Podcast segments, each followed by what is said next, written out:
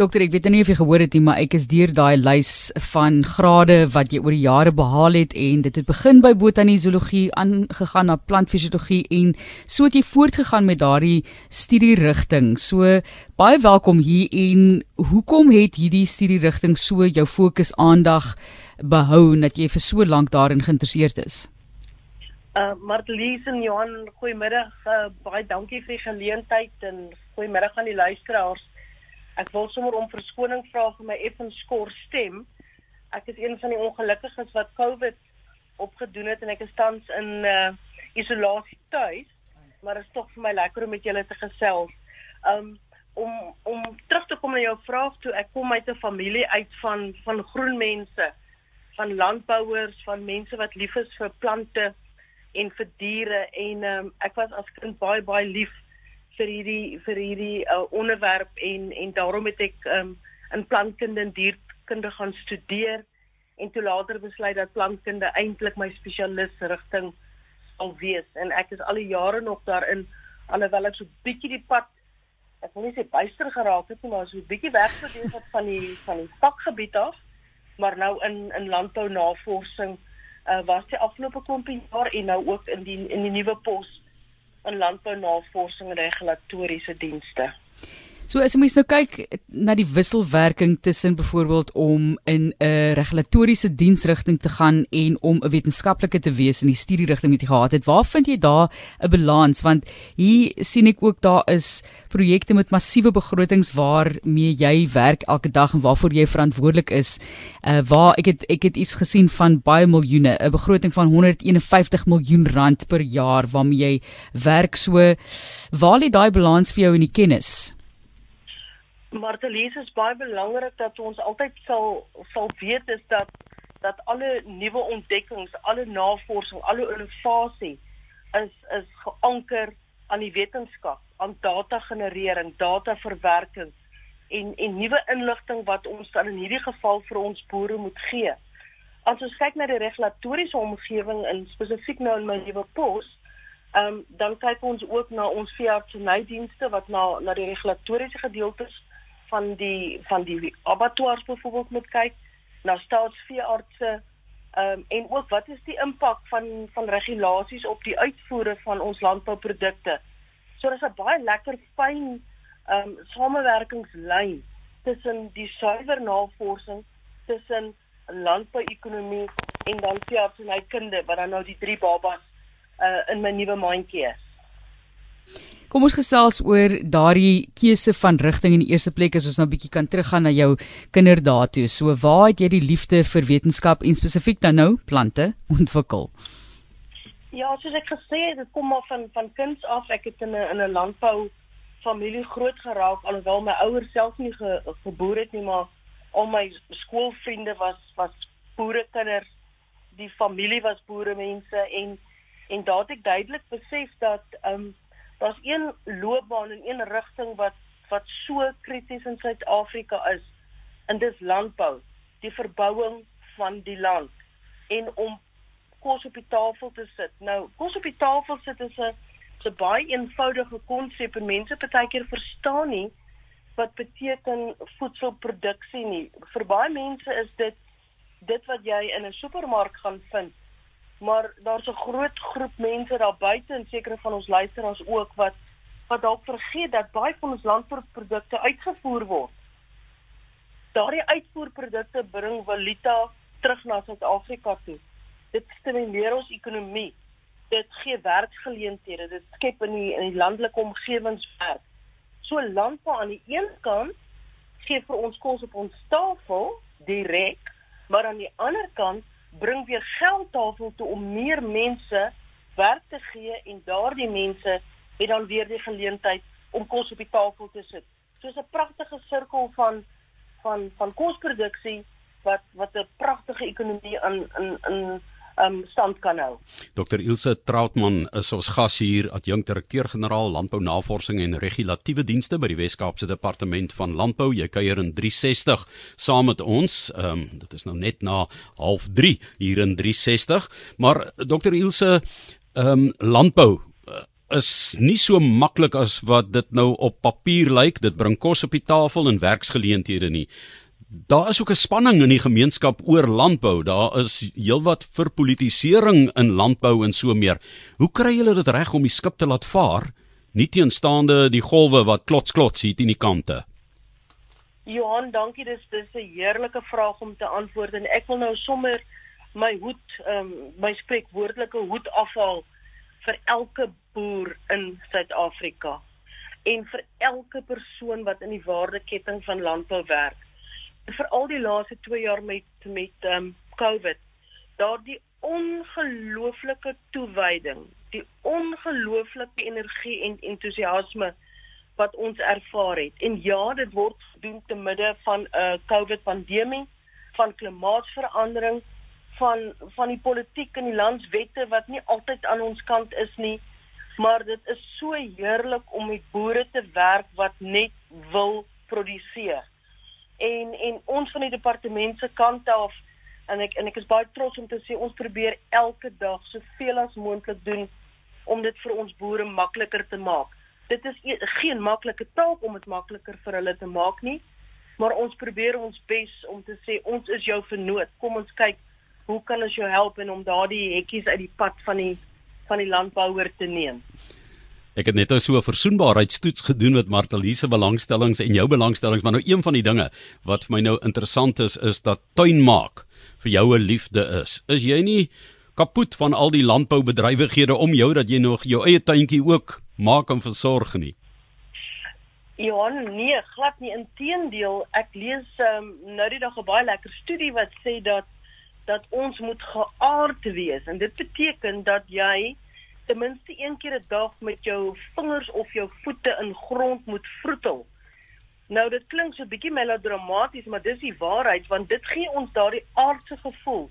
Dit gee vir ons daardie gevoel van om om te produseer en ek dink dit is 'n wonderlike wonderlike geleentheid om in 'n groentetuin te vroetel en te sien dit wat jy gister geplant het is vandag so rapsie groter partykeer verbeel ons ons dat dit so eintlik sommer oornag enorm gegroei het. En 'n paar maande later of 'n paar weke later dan sien jy hier kan jy ietsie oes of ietsie afpluk. En dit gee vir jou daai um gevoel van 'n klein boer. Ek is 'n klein boertjie op my erf en en dink net watter satisfaksie dit vir 'n groot boer of 'n mega boer moet gee om elke dag deur sy landerye te stap en daardie gevoel te hê van sjoe, ek het dit in die grond gesit en dit groei en ek dink dit is wat die lekkerte is en dit maak my beslis nie moeg nie. Inteendeel, dit gee my sommer nog meer energie. Goed, dis 'n grondige rede wat jy vir ons gegee het daar.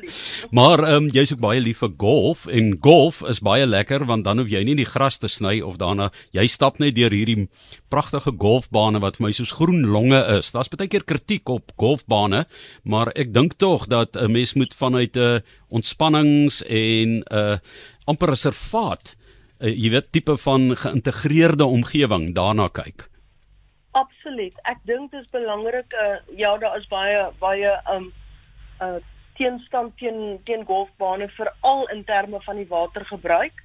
Maar ek wil ook sê dat baie golfbane gebruik nou um er windewater wat dit nie meer uh mens menswater is, um water wat vir mens drink uh bestem is nie.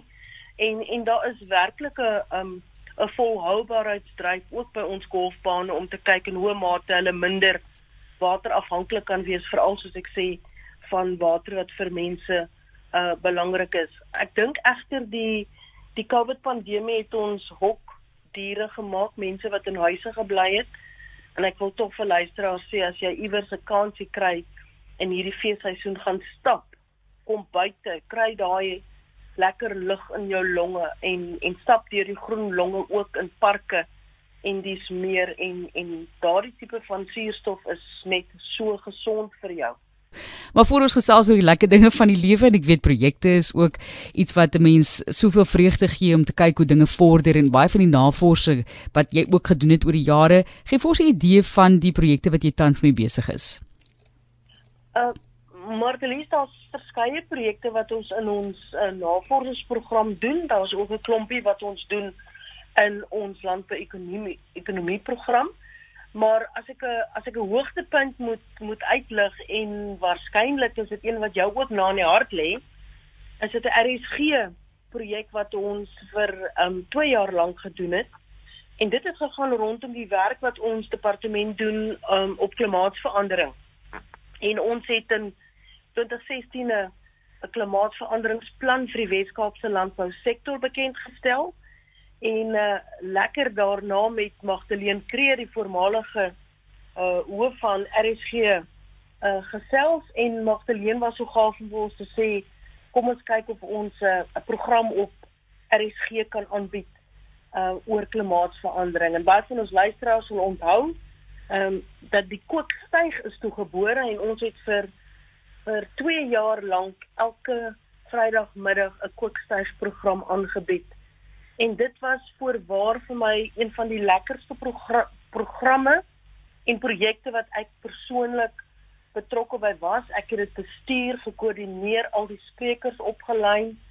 Uh en saam met Lisma van Sail ons aanbieder was dit 'n ongelooflike ervaring om te sien watter kapasiteit en ekspertise ons in Suid-Afrika het om ook ons baie meer weerstandbiedend te maak teen klimaatsverandering. Ehm um, en ook spesifiek dan in die landbou in die landboubedryf. 'n Ander projek wat ek ook bestuur is ehm um, een oor alternatiewe gewasse. Uh en hier sal die luisteraars dalk nie weet wat 'n alternatiewe gewas is nie, maar ons praat hier van die olywe, die granate, die vye, uh die persimmons, die turksvye, ehm um, die rooibos, die heuningbos, die die, die kleiner bedrywe wat geweldige uitvoerpotensiaal het en ook uh baie werk kan skep. En uh hierdie projek van ons het ons um, al oor die afgelope 7 jaar meer as 13 miljoen rand aan spandeer en dit gaan om navorsing te befonds vir hierdie kleiner bedrywe knelpunte in hulle produksiepraktyke en om hulle te help om beter te produseer um, en ook 'n uh, groter um, uh, aandeel in die mark te hê. So dit is twee van my projekte wat my baie na in die hart lê. Goed, en dan die vreugdes van die lewe natuurlik, maar ek moet net gevinnig noem ook die toekenning. Ek weet uh, jy het nou verwys natuurlik na die kookstyg. Dit is die goud kategorie of goud toekenning in die kategorie vir klimaatsverandering vir die 2020 Ecologic toekennings het jy gewen in 2020 die jaar voor dit ook die goue toekenning in die kategorie vir klimaatsverandering vir dieselfde toekenning ecologic toekennings die keer vir die smart agri plan wat jy gehad het. Is regtig wonderlik om dit ook te kan sien en ek dink mense in sit ons luisteraars het so baie geleer deur daardie reeks ook né dokter? Maar gee vir ons 'n idee wanneer skakel jy af en hoe skakel jy af? En die wynkombinasies wat Johan van gesels het vroeër. Martelies, weet jy, ek is nou een van daai mense wat ek ek hou nie van afskakel nie um, ek hou daarvan om aktief te wees. So ek gaan met 'n lied in die hart soggens werk toe my werk is vir my my stokperdjie. Ek geniet my werk verskriklik. Um en en ek bly in wees. Ek ry elke dag Stellenbosch toe en terug in die aande, maar daardie tydjie van ry is vir my sielskos. Dit is vir my heerlik om af te wen en en by die huis aan te kom en weer met ander projekte besig te wees. Ek hou van kook, ek hou van bak. My groot hartsliefde is om vriende noem my vles. Um ek hou van preserveer, goed in flesse sit en trouens my Kersgeskenke bestaan uit tuisgemaakte pakkies met met flesse wat ek maak en dit is van appelkool feit tot tot lekker atjars. En dit op sigself is heerlike ontspanning, so ek skakel daarmee af en dan tussenin is daar nog bietjie wynproe en en ander tipe van aktiwiteite en uit daardie na eers aktiwiteite put ek ook my energie om dan môreoggend weer lekker op te staan en my werk aan te pak. Gepraat van werk aanpak, vertel vir ons bietjie van projekte wat jy van droom dalk nog, wat nog nie gebeur het nie, maar projekte wat jy wil aanpak in die toekoms. Ek dink die belangrikste een wat wat um, in ons departement baie baie aktief nou na gekyk word is die impak van die vierde industriële revolusie op landbou. En uh, ons het sopas 'n lekker um tweede drone kongres of hommeltuig kongres aangebied en dit was regtig verbuisterend om te sien waar hommeltuig tegnologie deesdae gebruik word dit is nie net daardie klein hommeltuig wat jy gebruik om dalk jou buurman se seentjie af te kyk oor die heining nie. Daar's geweldige toepassings um vir vir hommeltuie, maar hommeltuie is maar een van die um groot aantal tegnologieë en ek sou baie graag uh self betrokke wil, wil raak by bietjie meer innovasie in landbou, uh kommunikasie innovasie. Ek dink daar's baie maniere hoe ons by boere kan uitkom. Um as die boer daar in sy strope ry, het jy hom daar vir 'n hele klompie uur in die in die binneruim van sy stroper. Is daar lekker stories wat ons vir boere kan vertel? Is daar podcast potgoeie wat ons vir boere kan gee met nuwe inligting? So ek dink die kommunikasie, kommunikasie is vir my baie belangrik. Ek is baie lief vir radio. Ehm um, en ek dink in daardie gebied van kommunikasie sou ek baie graag nog na na interessante projekte wou kyk. Dokter Rosie baie dankie. Dankie vir die werk wat jy doen en die werk wat jy doen vir ons omgewing ook daarbey, die baie projekte en die verantwoordelikhede wat jy het en sterkte vir die toekoms. Geniet daardie ek weet jy skakel nou nie heeltemal af nie, maar 'n bietjie rus hopelik iewers. Dankie, dankie Martelies en dankie vir julle ook en dankie vir die wonderlike wonderlike ehm um, boodskappe wat RSG vir ons luisteraars bring. Ek dink nie julle besef elke dag hoe belangrik RSG um deur die oor van van die luisteraar in Suid-Afrika is. Nie baie baie dankie daarvoor. En dis ons voorreg om daai inligting deur jou weer te gee. So baie dankie daarvoor, dokter. Ons waardeer dit. Baie dankie, lekker dag. dit is dokter Ilse Trotman wat ons gesels het, adjunkdirekteur-generaal Landbou Navorsing en Regulatiewe Dienste by die Wes-Kaapse Departement van Landbou. So verken ons ook ons wetenskaplikes en mense in owerheidsposisies